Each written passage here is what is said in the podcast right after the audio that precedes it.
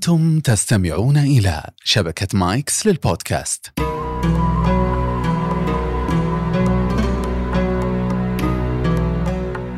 أهلا وسهلا بكم مشاهدينا الكرام في بودكاست قبل الغروب والذي يأتيكم من قناة مايكس البودكاست.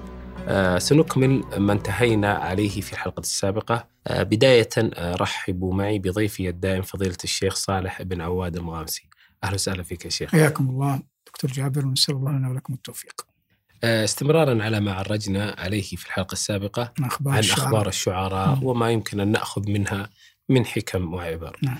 آه سؤالي الأول هنا عن المتنبي. تعرف المتنبي شاغل الناس مالئ الدنا نعم. بقدر ما لديه من حظوة إلا أن لديه آه، خصوم سواء من ال- ال- ال- النقاد وكذلك من الأمراء. لو حدثتنا عن هذه الظاهرة. الحمد لله والصلاة والسلام على رسول الله نتم ما بدأناه في اللقاء الأول. من قضية أخبار الشعراء التي ارتحلنا فيها سويا عبر شعراء كثر. نبدأ اليوم بقامة كبيرة من شعراء العربية ألا وهو المتنبي. طبعا الناس لا يعرفون أو ربما بعضهم لا يعرفون أن المتنبي لقب بهذا لأنهم يزعمون أنه ادعى النبوة في صباه في شبابه وأنه سجن بسبب ذلك ثم استعطف من سجنه ثم أخرجه. ونسبت إليه في صباه أمور تدل على أنه كان منذ صباه يعني يروم المجد ويبحث عنه. لا عدة له أو لا عدة له إلا صبره ولا زاد له إلا بأسه. وتجشم أسفارا من أجل أن يحقق آماله. ومر بحياة على أنها لم تكن طويلة سنين لكنها كانت مليئة بالأحداث. ويقولون إن من دلالة عظمة أي أحد أن يفرط فيه محبوه حبا وأن ينتقصه حاسدوه كرها.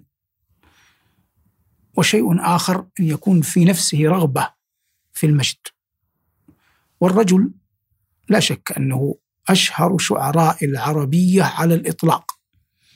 وكلمة أشهر لا تعني الأفضل لكن لم يبلغ أحد شهرته لا في قديم الدهر ولا في ولا في حديثه. حتى إنهم زعموا أن رجلا من العرب كان يسكن في مدينة ما وكان يبغضه. فآل على نفسه أن لا يسكن في بلدة فيها ذكر المتنبي. فكلما نزل بلدة عرف أنهم يعرفوه. حتى وصل إلى أقصى بلاد الترك آنذاك. فلما سكنها سألهم عنها سألهم عن المتنبي فلم يعرفوه فتوطنها فلما مضى آخر الأسبوع ذهب إلى صلاة الجمعة. فإذا بالخطيب يستشهد بأبيات للمتنبي فعاد إلى دياره التي كان فيها قد علم أنه لا مفر من سمع اسم المتنبي. هذا يدلك على بعد شأوه في الذكر. والدنيا بيد الله. حتى قال بعضهم كأن الريح تلقي باسمه في كل فج من شهرته. ومضى عليك مر عليك قول ابن رشيق في العمدة ثم جاء المتنبي فملأ الدنيا وشغل الناس. نحن الآن نتكلم عن خصومه من الأمراء وخصومه من النقاد. بمن التصق المتنبي؟ نبدأ أو نقول ثلاثة لأن الدرس ليس درسا أكاديميا. نحن نتكلم من أجل النفع العام. سيف الدولة؟ وكافور الإخشيدي وعضد الدولة أشهر ثلاثة من الكبار الذين مدحهم المتنبي. النقاد سيأتي الحديث عنه. فأما سيف الدولة فإن الذي عرف سيف الدولة بالمتنبي أبو العشائر الذي كان واليا على أنطاكية من قبل سيف الدولة. فأخذه معه إلى سيف الدولة. تبصر سيف الدولة أنه يحتاج إلى شاعر يخلد غزواته ورأى ذلك في المتنبي. فدفعه إلى الرواظ الذين يدربون الفتى على الفروسية والطراد حتى يصحبه في السلم والحرب لأنه لو لم يكن يجيد ذلك لن يستطيع أن يرافقه في حروبه والرجل أي سيف الدولة كان رجل حرب فتعلمها فأصبح يلازمه في السلم والحرب في حلب التي كانت عاصمة دولة الحمدانيين. والدولة الحمدانية نشأت ضمن دويلات كثر في زمن بني العباس دون أن تنفك انفكاكا نهائيا عن دار الخلافة في بغداد. ومدح سيف ومدح المتنبي سيف الدولة بقصائد خلدت ذكرى سيف الدولة. فله الفضل على سيف الدولة وكان سيف الدولة يغدق عليه العطاء ولا يمكن أن يعطي غيره مثل مثله. ولهذا قال المتنبي تركت السرى خلفي لمن قل ماله وأنعلت أفراسي بعساك بنعلاك عشدا. ومن وذكر في ذراك محبة ومن وجد الإحسان قيدا تقيد فهو قيده بالإحسان. ومن وجد الإحسان قيدا تقيد. هذا في داليته الشهيرة. لكل امرئ من دهره ما تعود وعادة سيف الدولة طعن في العدا هو الجد حتى تفضل العين حتى تفضل العين أختها وحتى يكون اليوم لليوم سيدا. وما قتل الأحرار كالعفو عنهم وملك بالحر الذي يحفظ اليد. إذا أنت أكرمت الكريم ملكته وإن أنت أكرمت اللئيم تمرد. ووضع الندى في موضع السيف بالعلا مضر كوضع السيف في موضع في موضع الندى. هذا من أعظم ما خلد به المتنبي سيف الدولة.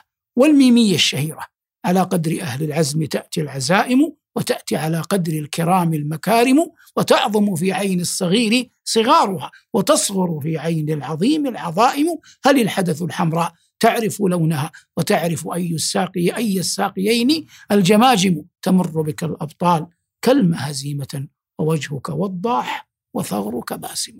خلد المتنبي سيف الدولة بهاتين القصيدتين وبغيرهما.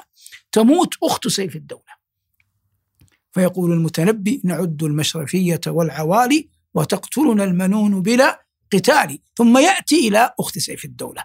فما التأنيث لاسم الشمس عيب ولا التذكير فخر للهلال ولو كان النساء كمن فقدنا.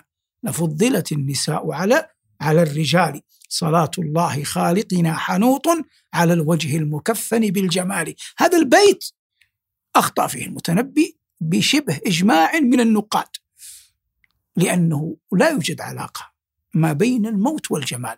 الجمال لا يطلق إلا على شيء حي.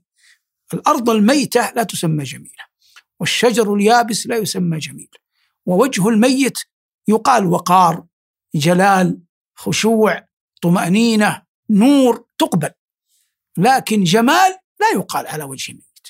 صلاة الله خالقنا حنوط على الوجه المكفن بال بالجمال.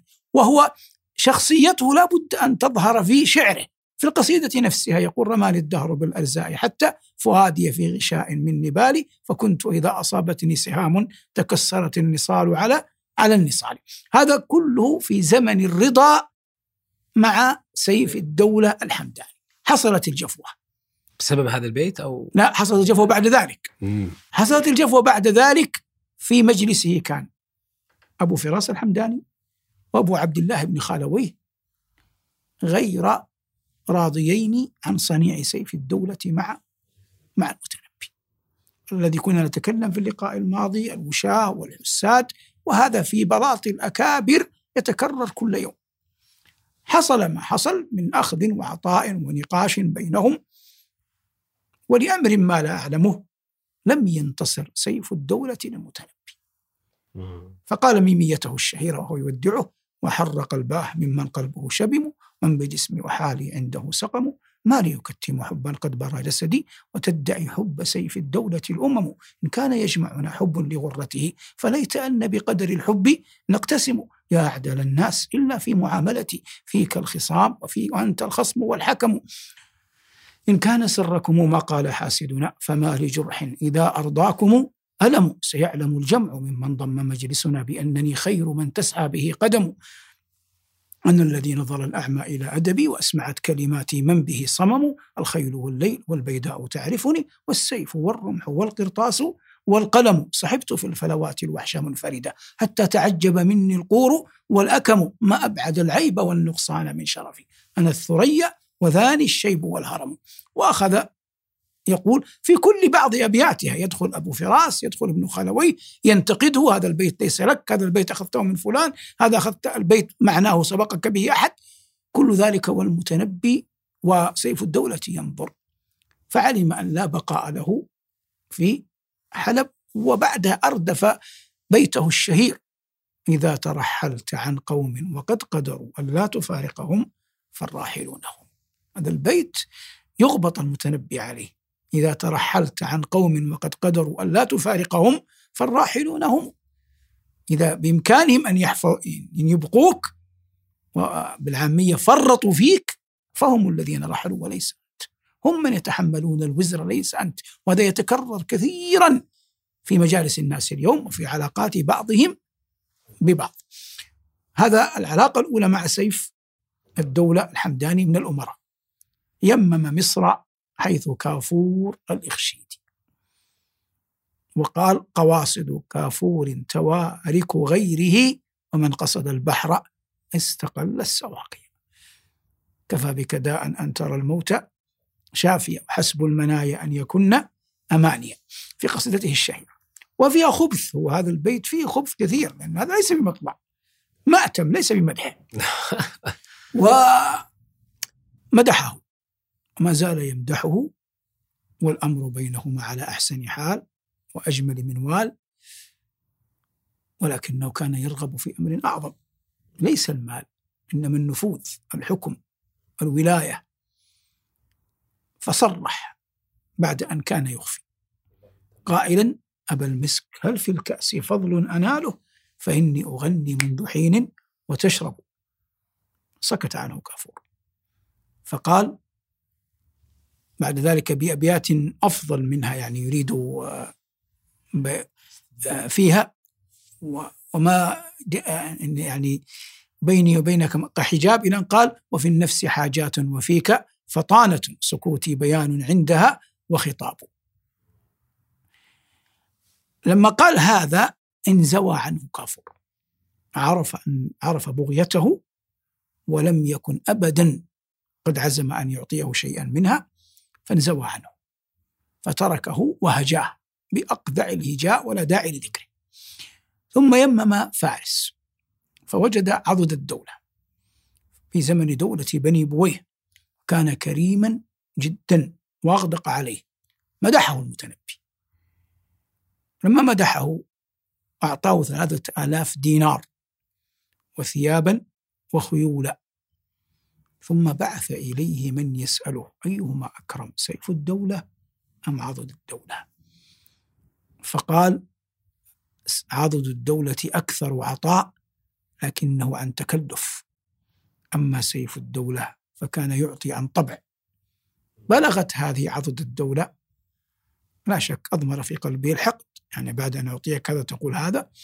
فكان سببا فيما قيل أنه حرض عليه فاتكا الأسدي الذي كان سببا في مقتل المتنبي.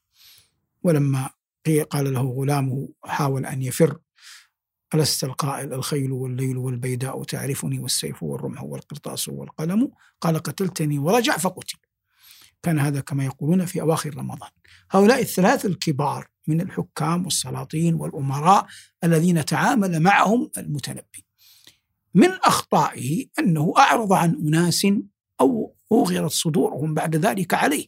مثلا ابن حنزابة هذا كان وزيرا لكفور الأخشيد وكان يؤمل أن يمدحه المتنبي فلم يمدح صاحب ابن عباد كان يؤمل أن يمدحه المتنبي فلم يمدح كان يرى في نفسه أنفة أن يمدح هؤلاء. أضر بنفسه لكنه ضمن شعره الكثير من تجارب الناس فأصبح شعره مدادا للأدباء والشعراء والخطباء والبلغاء إلى يومنا إلى يومنا هذا. هذا في علاقته مع الأمراء في علاقته مع النقاد في زمن سيف الدولة في حلب. لم يكن أحد يجرؤ على معارضته إلا القليل ابن خالويه وأبي فراس. وأبا فراس. لمكانته عند سيف الدولة. فلما يمم مصر مصر كانت يوم ذاك غنية بالأدباء. وهم يعرفون قدره فقبلوه ولم يعارضوه.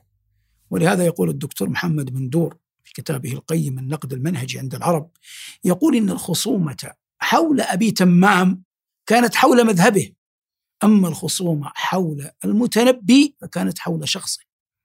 فأبو, فأبو تمام أتى بمذهب جديد وهو أنه أفرط في المعاني حتى كاد أن يذهب روح الشعر. فالنقاد كانوا يريدون أن يردوه إلى روح الشعر وألا يغرق في المعاني الخصومة حول مذهبه الذي أتى به. وأما المتنبي فقد بلغ شأوا بعيدا فخصومه يحاول أن يثبتوا للناس أنه لا يستحق هذه المكانة. ليس حول مذهب معين يحمله إنما حول شخص المتنبي. بمعنى شخصية أكثر حسدا وبغضا. ابن جني النحوي اللغوي المعروف وأصله من اليونان صاحب كتاب اللمع وغيره والخصائص. كان يرافق المتنبي في حله وترحاله وسفره وإقامته وألف كتابه الفسر ومحل مشكلات المعاني أبيات المتنبي وكان معه وكان أكثر المدافعين عنه. الجرجاني جاء بعد ذلك حاول أن يتكلم في كتابه الوساطة بين المتنبي وخصومه. الحاتمي أسرف في نقد في نقد المتنبي وبين أن بعض أشعاره إنما هو سرقات من أرسطو ومن غيره. وهذه الصراعات كلها كانت نقدية محضة محلها الدرس الأكاديمي تدور حول شخصية المتنبي وحول شعره. وقد بينها الكثير ممن صنع هذا الترحال أو المقام. هذا ما يتعلق بالمتنبي وخصومه من حيث الأمراء ومن حيث النقاد والشعراء. لكن الرجل لم يكن يعبأ بخصومه. وهذا مما زادهم غيظا عليه. أرى المتشاعرين غروا بذمي ومن ذا يمدح الداء العضال ومن يك ذا فمن مر مريض يجد مرا به الماء الزلال ويقول في كل يوم تحت ضبن شويعر ضعيف يقاويني قصير يطاول وأتعب من ناداك من لا تجيبه وأغيظ من عاداك من لا تشاكل. وغيرها من القصائد التي كان يرد بها على الأكابر من الشعراء متجاهلا إياهم مما زادهم حنقا عليه حتى قتل وتوفاه الله. بعد أن خلد ذكره في التاريخ العربي والأدب العربي كما لم يخلد ذكر شاعر من من قبل كما بينا بعضا منه. جميل جميل. الخبر الآخر خبر الأخطر مع عبد الملك مروان. الأخطل تغلبي النسب نصراني الديانة أحد الأكابر الثلاثة في زمن عصر بني أمية والآخران جرير والفرزدق كان أسن منهما. كان لسان بني أمية. بنو أمية لهم خصوم. من خصومهم؟ آل الزبير. ما كان هناك معاوية لم يكن أحد يضارعه. لما ظهر يزيد ظهر الخصوم. يزيد لم يعمر بضعة سنين سنتين أو ثلاث سنين على الأكثر. حدثت في زمنه حادثتان بغضتاه إلى الناس حادثة كربلاء وحادثة موقعة الحرة في المدينة. مات يزيد جاء معاوية بن يزيد مكث في الخلافة أربعين يوما ثم جاء عبد الملك بن مروان جاء مروان بن الحكم. ظهر عبد الله بن الزبير آل الزبير يعاونه أخوه مصعب بن الزبير.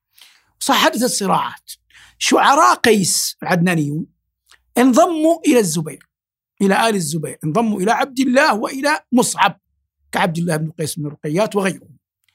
هنا احتاج الأمويون إلى شاعر ينافع عنهم ويدافع عنهم. انبر الأخطل كان مقربا قديما من يزيد بن معاوية مع أنه نصراني. مزية الأمويون مزية الأمويين أنهم أهل حكم. لأنهم أهل حكم لا يفرطون في رجالاتهم يغدقون عليهم يأذنون لهم بما لا يؤذن به لأحد. كان يقال إن الأخطل يدخل على عبد الملك بن مروان من غير إذن من غير حجاب من غير أن يستأذن الحاجب الذي على الباب وهو يلبس ثياب خز يعني صوف مع حرير منسوجة وفي عنقه الصليب من ذهب يدخل على من؟ على أمير المؤمنين على أمير المسلمين. وفي عنقه الصليب من ذهب يتلألأ ولحيته تنفض من الخمر ولا يبالي. بعلمه أن عبد الملك لن يرده وسيقربه. وبالنسبة لعبد الملك هذا لسانه. شمس العداوة حتى يستقاد لهم وأعظم الناس أحلاما إذا قدروا. هذا يقوله الأخطر في في عبد الملك بن مروان في بني أمية. فكان لسانه هذه قصة الأخطر التي مجدته وجعلته ذائع الصيت في زمن بني في زمن بني أمية رغم نصرانيته. لكن كما قلت كانوا أحوج ما يكونون إليه ولم يفرطوا فيه وهم أهل ملك يعرفون كيف يحتوون رجالاتهم ويعظمونهم ويجلونهم ولا يمنعونهم ما يريدون حتى ينتفعوا بهم. ردا على ما كان من موالاة شعراء قيس لآل لآل الزبير. هذا الأخطل من حيث العموم وهو شاعر مجيد بلا شك. نتكلم شعريا نتكلم ديانة نتكلم عن كونه نصرانيا مسيحيا. هذه لا علاقة لها بفن بفن الشعر فن الأدب. يقول الجرجاني والدين بمعزل عن الشعر أو الشعر بمعزل عن الدين. وهذا ما يسمى بالنقد الأخلاقي ولأستاذنا الكبير الدكتور محمد مريسي الحارثي. بحث في النقد الأخلاقي في العرب حتى في رسالة الدكتوراه التي ناقشها عام 1400 قبل 44 عاما في كتابه القيم ذكر قضية النقد الأخلاقي ثم أفرد لها كتابا بعينه. المقصود أنه كما قال قدامة بن جعفر ونقلوا عنه الأكابر بعد ذلك قدامى المتقدمين من أوائل النقاد أنه كما نقول أن النجار لا يتحمل رداءة الخشب. فأنت لا تحكم على دقته وصنعته من رداءة الخشب أو من جودة الخشب. تحكم عليه من من صنعته من قدرته على أن يجعل من هذا الخشب شيئا ذا بال ذا شان. تقبله النفس تقبله العين يمكن أن يستفاد منه. الشعر مثله. فعندما نحن نمدح نزار نمدح فنه قدرته على صوغ الشعر. لا نمدح فكرة لا نمدح معتقدة لا نمدح سلوكة. لابد أن يفقه الناس هذا. وهؤلاء الذين أحيانا عفى الله عنا وعنهم يقولون عنا كيف يمدح نزارا؟ هو هو يتكلم يستشهد بقول الحطية والحطية أخبث من نزار. أخبث جدا. هذا المتنبي الذي يستشهد به يقال إنه لم يسجد لله قط. من ترجم له نحن لم نقابل المتنبي ولم نلتقي به لكن من يعرف ومن ترجم له لم يذكر أحد أبدا أنه كان يصلي. ولم يكن مذهبه سنيا أصلا. ومع ذلك يستشهد به ليل نهار. غفلوا عن هذا وانصرفوا إلى غيره. فالميزان اختل والمكيال ليس ليس بواحد عندهم. لكن لابد أن يقال عندما تحكم عليه كشاعر غير أن تحكم عليه بمسلم. هل هو رقيق الديانة؟ هل هو متين الديانة؟ هذا باب وباب آخر. وقدرته الشعرية شيء آخر. نتكلم عنه كشاعر. لا نتكلم عنه كإمام مسجد كقدوة كرجل يراد منه الخير يراد منه الصلاح. هذا باب آخر له رجالاته المعروفة نعم, نعم. القصة الأخرى آه، قصة أبي الطماح القيني. أبي الطمحان القيني آه، اسمه شرف بن حنظلة من, قي... من بني القين بني القين من قضاعة. هذا هو صاحب البيت المشهور. أضاءت لهم أحسابهم ووجوههم دجى الليل حتى نظم الجزع ثاقبه الجزع الخرز. تعرف أنت الإنسان حتى يضع الخرز بعضه في بعض في الخيط نفسه يحتاج إلى نوع من الإضاءة كبير. فهو يتكلم عن أن هؤلاء القوم يعني وجوههم أحسابهم شرفهم كالنور الذي يلجأ إليه في هذه المواطن. أما خبره فاختلف أصلا فيه يعني هو من المعمرين؟ وقيل إنه عاش في الجاهلية وأدرك الإسلام وأسلم لكنه لم يكن متين الديانة. ولم يرى النبي صلى الله عليه وسلم. يعني ليس له شرف الصحبة وإلا ما تكلمنا عنه لو أنه نال شرف الصحبة. لكن الذي يعنينا هنا قضية أحيانا بالبعض يبالغ في الفجور. وفي الحديث كل أمتي معافى إلا المجاهرين. يقال إنه سئل ما أخف ذنب صنعته؟ هذا موضع الشاهد. فقال مررت يوما على ديرانية. ديرانية نصرانية تسكن الدير.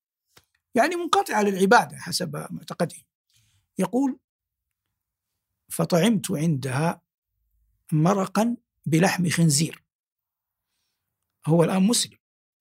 فأكل عندها مرقا بلحم خنزير. قال ثم شربت خمرا سكرت. ثم كذا كذا يعني الفاحشة فيها. ثم أصبحت وقد سرقت كساءها ومضيت. فعل هذه الأربع في ليلة واحدة. أكل لحم خنزير شرب خمرا فعل الفاحشة وسرق ومضى. أخف ذنب هذا. هذا أخف ذنب. المقصود من هذا ماذا؟ المقصود أحيانا أنت تغلبك العاطفة في السائل في الضيف في من يوقفك في قارعة الطريق. من حق الإنسان أن يحتاط لنفسه. كما يوجد أخيار يوجد أشرار كما يوجد من يؤمن يوجد من الخيانة تجري في في دمه. في هذا الزمن كثروا عبر اتصال هاتفي عبر زيارة في المنزل عبر أمور عدة وجد أشرار كثير قد يلبس لك ثوب المساكين وهو لا يريد بك إلا إلا شر. نعلم يقينا أن الحافظ الله لكن لا تغلب عليك العاطفة. أحسن واجعل لنفسك بابا للعودة والرجعة. مد يدا تعطي ويدا تتقي. عين تبتهج وعين تتفرس. لابد أن يكون الإنسان كذلك. إذا قرأ مثل هذه القصص في ذلك الزمن فكيف بزماننا هذا المقصود الأسمى من القصة كلها. أبي الطمحان القيمي. نعم أبي الطمحان القيمي. أيضا من الأعلام البارزين في آه، فضاء الأدب العربي آه، أبو العلاء المعري وهو من أبرز الشعراء أظن في القرن الخامس الهجري. نعم. آه، لديه وصية عند موته وتحمل يعني قصة طريفة. نعم. أبو العلاء المعري أصيب بالجدري وهو في الرابعة فبيضت إحدى عينيه وفقد الأخرى فعاش ضريرا. لديه قدرة عجيبة على الحفظ. يحفظ ما يفهم وما لا يفهم.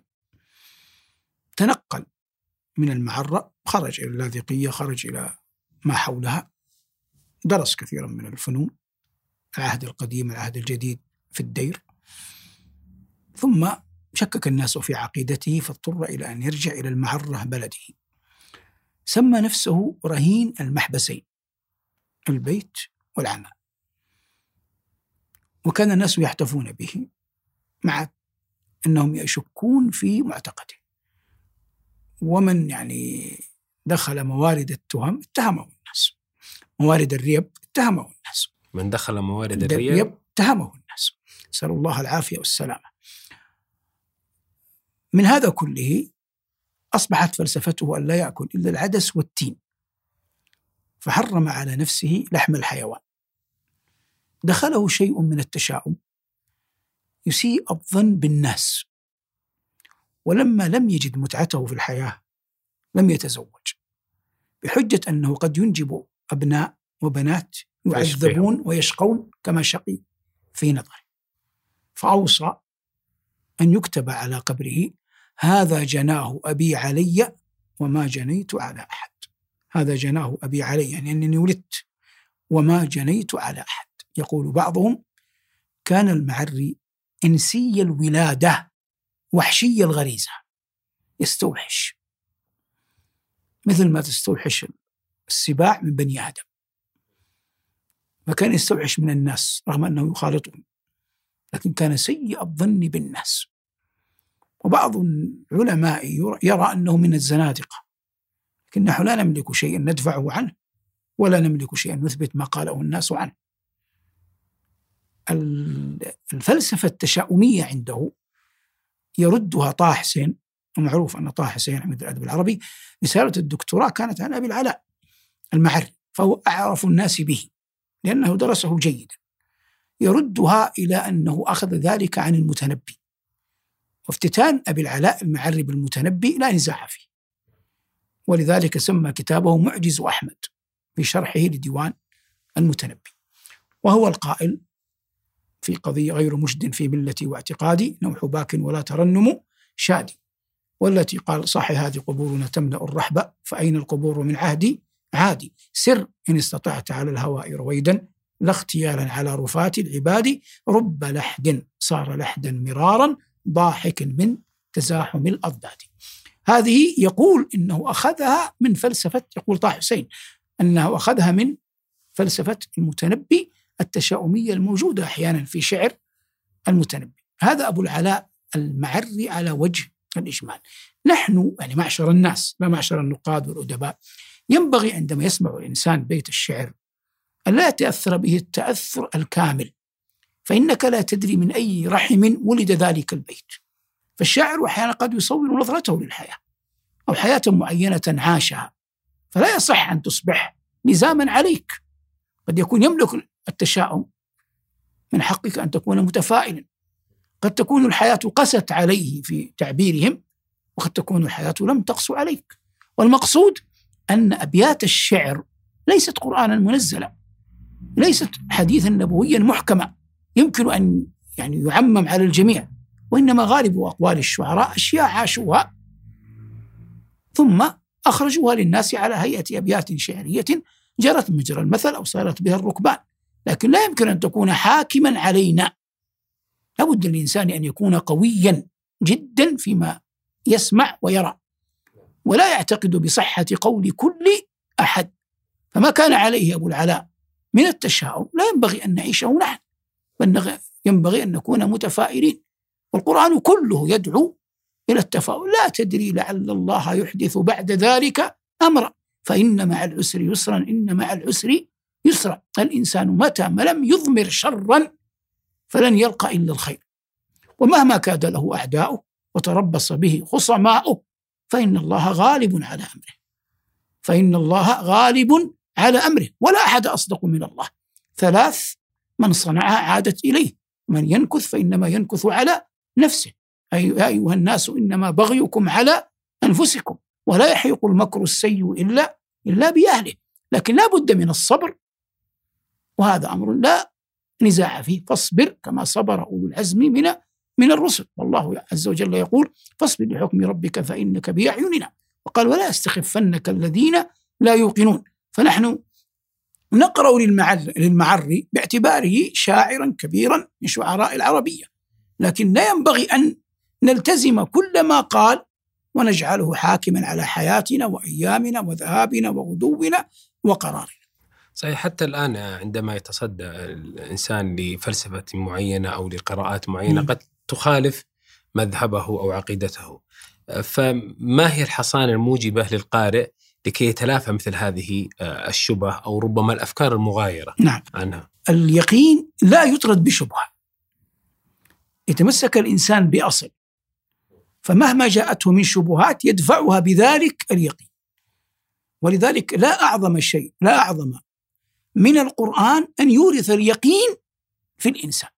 وإلا هذه شبهات الإلحاد التي كثرت الآن حتى أصبح بعض الناس إذا غرد أو كتب عياذا بالله حتى ينازع الله عز وجل في ألوهيته أو في ربوبيته أو في أحكامه أو في تقديره ويظن أنه قد بلغ ما بلغ وينسى أنه عبد ضعيف وأن ثمة حد لبصره ثمة حد لسمعه وثمة حد لعقله. ولو كشف الغطاء أتبين له في أي ضعف هو. ولهذا لن يكون إلا بعد حياة البرزخ. فكشفنا عنك غطاءك فبصرك اليوم حديد. جميل. آه، ثمة خبر آخر آه، جميل ونادر ويستحق أن نتحدث عنه. الصم القشيري مع عامه هي قصة ذائعة. الصم القشيري أحب ابنة عم له اسمها ريا. والمرأة كذلك أحبته. وكلاهما كان على حظ كبير من القدرة البلاغية والشعرية ويلتقيان في روابي نجد. وقد خلد الصم الصمة القشيري أرض نجد وحق لها حق لنجد وحق له. لما خطب ابنة عمه اشترط عمه مئة من الإبل فذهب إلى أبيه فلأمر في نفس أبيه أعطاه تسعا وتسعين ناقة. حملها ذلك العم عدها فوجدها تنقص واحد فردها. فأبى الأب أن يكملها ما بين أبيه وعمه ضاع حبه ونكاحه المر الذي يطلبه من ريا. ترك الديار ومضى. ولجأ إلى الشعر وقال قصيدته المشهورة التي يذكر فيها نجدا ويذكر فيها ريا ويذكر فيها ما وقع له. وأذكر أيام الحمى ثم أنثني على كبدي من خشية أن تصدع فليست عشيات الحمى برواجع عليك ولكن خل عينيك تدمع. بكت عيني اليسرى فلما زجرتها عن الجهل بعد الحلم أسبلتا معا. رفا ودعا نجدا ومن حل بالحمى وحق لنجد عندنا أن تودع. ونجد ذكرت كثيرا لأن طيب الهواء وعفة أهلها آه، خلدت الذكر أن الغزل العذري كان في نجد أكثر منه في الحجاز. أن عمر بن عبد عمر بن أبي ربيعة حامل لواء الشعر الآخر في الغزل كان في مكة. الشعر الحجازي غالبا بعضه يغلب عليه الجسدي لكن في نجد وبعض بوادي الحجاز كان الشعر العذري. هو منسوب لعذرة. العذرة قوم بل إلى بني عذرة. ألا يا صبا نجد متى هجت من نجدي؟ لقد زادني مسراكي وجدا على وجدي. وقد زعموا أن المحب إذا دنا تسلى وأن البعد وأن القرب خير من البعد. بكل تداوينا فلم يشف ما بنا على أن قرب الدار خير من البعد على أن قرب الدار ليس بنافع إذا كان من تهواه ليس بذي ود. والأخرى ابن الدمين أعتقد يقول فما وجد أعرابية قذفت بها صروف النوى من حيث لم تك ظنتي تمنت أحاليب الرعاء. وخيمة بنجد فلم يكتب لها ما تمنت. إذا ذكرت نجدا وطيب هوائه وأهلا بنجد أرعوت وأرنت. لها أنة قبل العشاء وأنة سحيرا فلولا أنتاها لجنتي هذا ما يتعلق بحول نجد التي خلدها الصم القشيري آه، ذكرت قبل قليل البيت آه، للصمة يتحدث فيه عن الكبد. نعم. والكبد له مدلول في الوعي الأدبي كثيرا ما يسوقه الشعراء في أبياتهم. نعم أحدهم يقول وإنما أولادنا بيننا أكبادنا تمشي على الأرض. لو هبت الريح على بعضهم لم تنعت عيني عن الغمض. يعبر عن الكبد القطعة منها تسمى فلذة.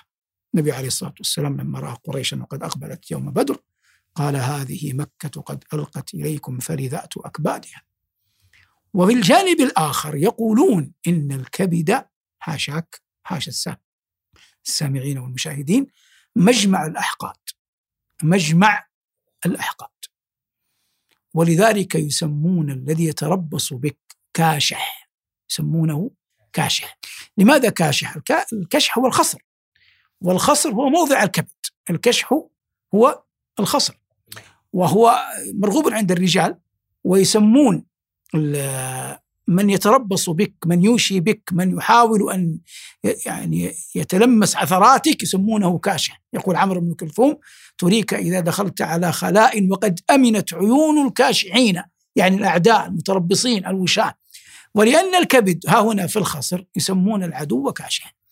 الذي يعنينا يقولون إن الكبد مجمع الأحقاد ولهذا الإبل يضرب بها المثل في الحقد فيقال أحقد من جمل. والعربي الأول يقول يبكى علينا ولا نبكي على أحد لنحن أغلظ أكبادا من الإبل. يبكى علينا ولا نبكي على أحد لنحن أغلظ أكبادا من الإبل. فالكبد عندهم في, في عرف الثقافة العربية مجمع الأحقاد. نعم. يعني العداوات كأنها تكتنز في نعم في الكبد في الكبد والعلم عنده نعم. آه، من خلال هذه الأخبار آه، دائما الحديث آه، مرتبط فجأة هكذا بالأعداء والخصوم. وقد يستهين الشخص بالضعيف أو الصغير أو من هو أقل منه منزلة. كيف على الحليم الحكيم أن يتجنب الأعداء وبخاصة ممن لا وزن لهم؟ نعم. فقد يلقوا به إلى مهالك. هو أن يعني لا يخشى أكثر من من الضعيف. ويقولون في التاريخ أن حمزة رضي الله عنه يوم أحد كان يرى وحشيا لكنه احتقره. فكان وحشي سبب في قتل سببا في قتله.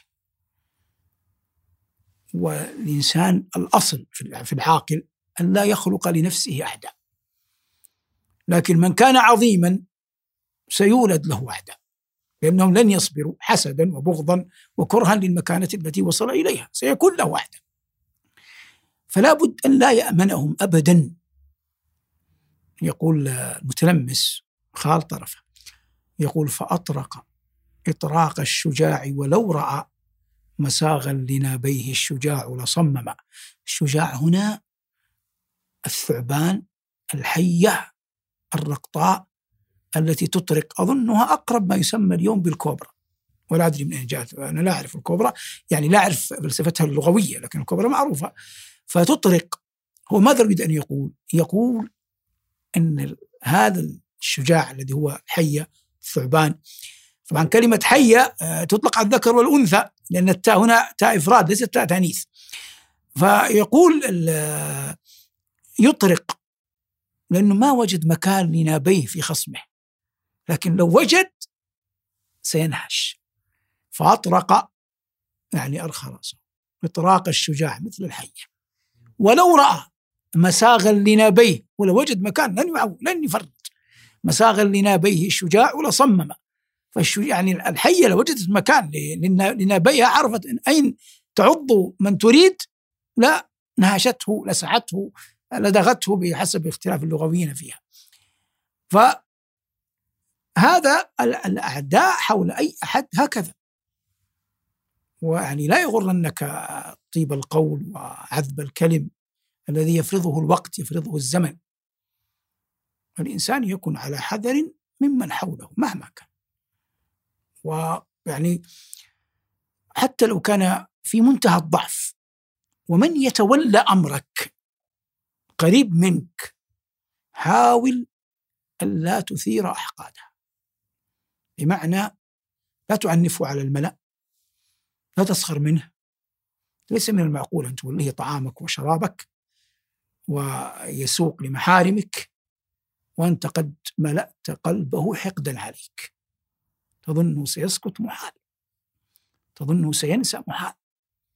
فهذا الذي يتولى الأمور القريبة منك الملتصقة بك على ضعفه حاول أن تكرمه.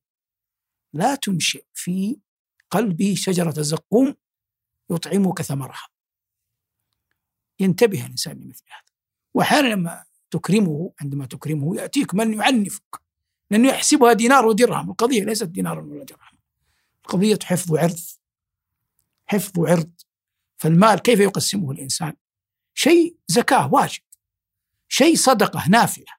شيء نفقة على من حولك. شيء تشتري به رجال تحسن به إلى رجال. شيء تدفع به السفهاء هذا السفهاء. تحافظ به على عرضك. تدفعه حفاظا على عرضك عن أذى السفهاء. ليس جهلا ولا حماقة ولا سرفا حكمة. حتى تدافع به عن السفهاء. هذا المقصود في قضية وال- والعربي الأول يقول ذكر الأشياء الثلاثة ومنها معاداة الرجال. العاقل لا يعادي الرجال يحاول قدر الإمكان أن لا يكون له عدو ما أمكن. ثم إذا ابتلي بعدو يستعن.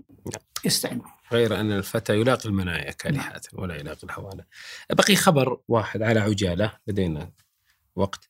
آه، علاقة جرير مع عبد الملك مروان وفهم عبد الملك مروان للماحية جرير.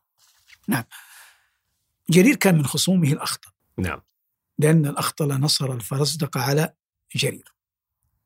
من أعجب أو من أمثل ما قيل في قضية الثلاثة هؤلاء يقولون إن جريرا نجا من خبث الأخطل وسكره ونجا من فسق الفرزدق وفجره. يعني ليس فيه فسق وفجور الفرزدق وليس فيه خبث وسكر الأخطل. أعدلهم. فقال يهجو الجرير يقول يهجو الأخطل إن الذي حرم المكارم تغلبا جعل النبوة والخلافة فينا. مضري أبي وأبو الملوك فهل لكم يا خزر تغلب من أب كأبينا؟ تعلم أن العرب العدنانيين ينقسمون إلى قسمين مضر وربيعة مضر وربيعة وكلاهما ينتسبان إلى عدنان وعدنان إلى إسماعيل. قبلهما معد معد بن عدنان وعدنان إلى إسماعيل بين عدنان وإسماعيل رجال غير معروفين. لكن من الأول إلى عدنان معروفين. يعني م- محفوظ النسب. يعني لما مثلنا النبي صلى الله عليه وسلم محمد بن عبد الله بن عبد المطلب بن هاشم بن عبد مناف بن قصي بن كلاب بن مرة بن كعب بن لؤي بن غالب بن فهر بن مالك بن خزيمة بن مدركة بن نضر بن كنانة بن خزيمة بن مدركة بن الياس بن معد بن عدنان. فالنسب محفوظ إلى عدنان. من عدنان جاء ربيعة ومضر. ولهذا الذين آمنوا بمسيلمة يقولون يعلمون أنه كاذب لكن يقولون كاذب ربيعة ولا صادق ومضر. إن نبدأ المسألة كيف دخلت. فعبد الملك بن مروان أموي وأمية من قريش قريش من كنانة وكنانة من مضر. وقريش من كنانة وكنانة من من مضر ليسوا من ربيعة. الذين منهم التغالبة تغلب وبكر الذين منهم هل الربيعة وجساس وغيرهما هؤلاء من ربيعة ليسوا من مضر. ماذا يقول الجرير يقول مضري أبي يعني أنا من مضر. وأبو الملوك يقصد عبد الملك بن مروان يعني نجتمع أنا وعبد الملك في في مضر لأن جرير من تميم وتميم جذوة عظيمة من من مضر بلا شك. فقال مضري أبي وأبو الملوك فهل لكم يا خزر تغلب من أب كأبينا؟ هذا ابن عمي يقصد عبد الملك بن مروان. في دمشق خليفة أمير مؤمنين لو شئت ساقكم إلي قطينا يعني يأتي بكم إلي. فقال عبد الملك ما زاد ابن قال سبه ونزه لساني عنها في جرير. ما زاد ابن كذا على أن جعلني شرطيا عنده؟ يقول لو لو شاء هو والله لو لو, لو شئت يعني يقول عن نفسي لو شئت ساقكم لو قال لو شاء يعني عبد الملك لسقتهم إليه كما قال. الله. وهذا يبقى بعض الناس كما قلنا قديما عن محمد يولد هكذا. حاكما سلطانا فاهما ملكا. عبد الملك كان واحدا من أولئك الرجال. لم يمضيها لجرير. لو أمضاها تمضي لكنه تأبى أخلاق الملوك أن تفعلها. أيا كان عبد جرير وقرابته منه. ففهم عبد الملك أعانه على المكان المقام الذي أعطاه الله جل وعلا إياه. جميل. رائع. انتهت تقريبا الأسئلة والنقاط التي تتحدث عنها. شكر الله لك وللأمانة الحلقة زاخرة بالعبر و... نعم. سلمك الله. الشكر موصول لكم أنتم أيها المشاهدين والمستمعين وإن شاء الله نوفيكم في الحلقات القادمة. في أمان الله.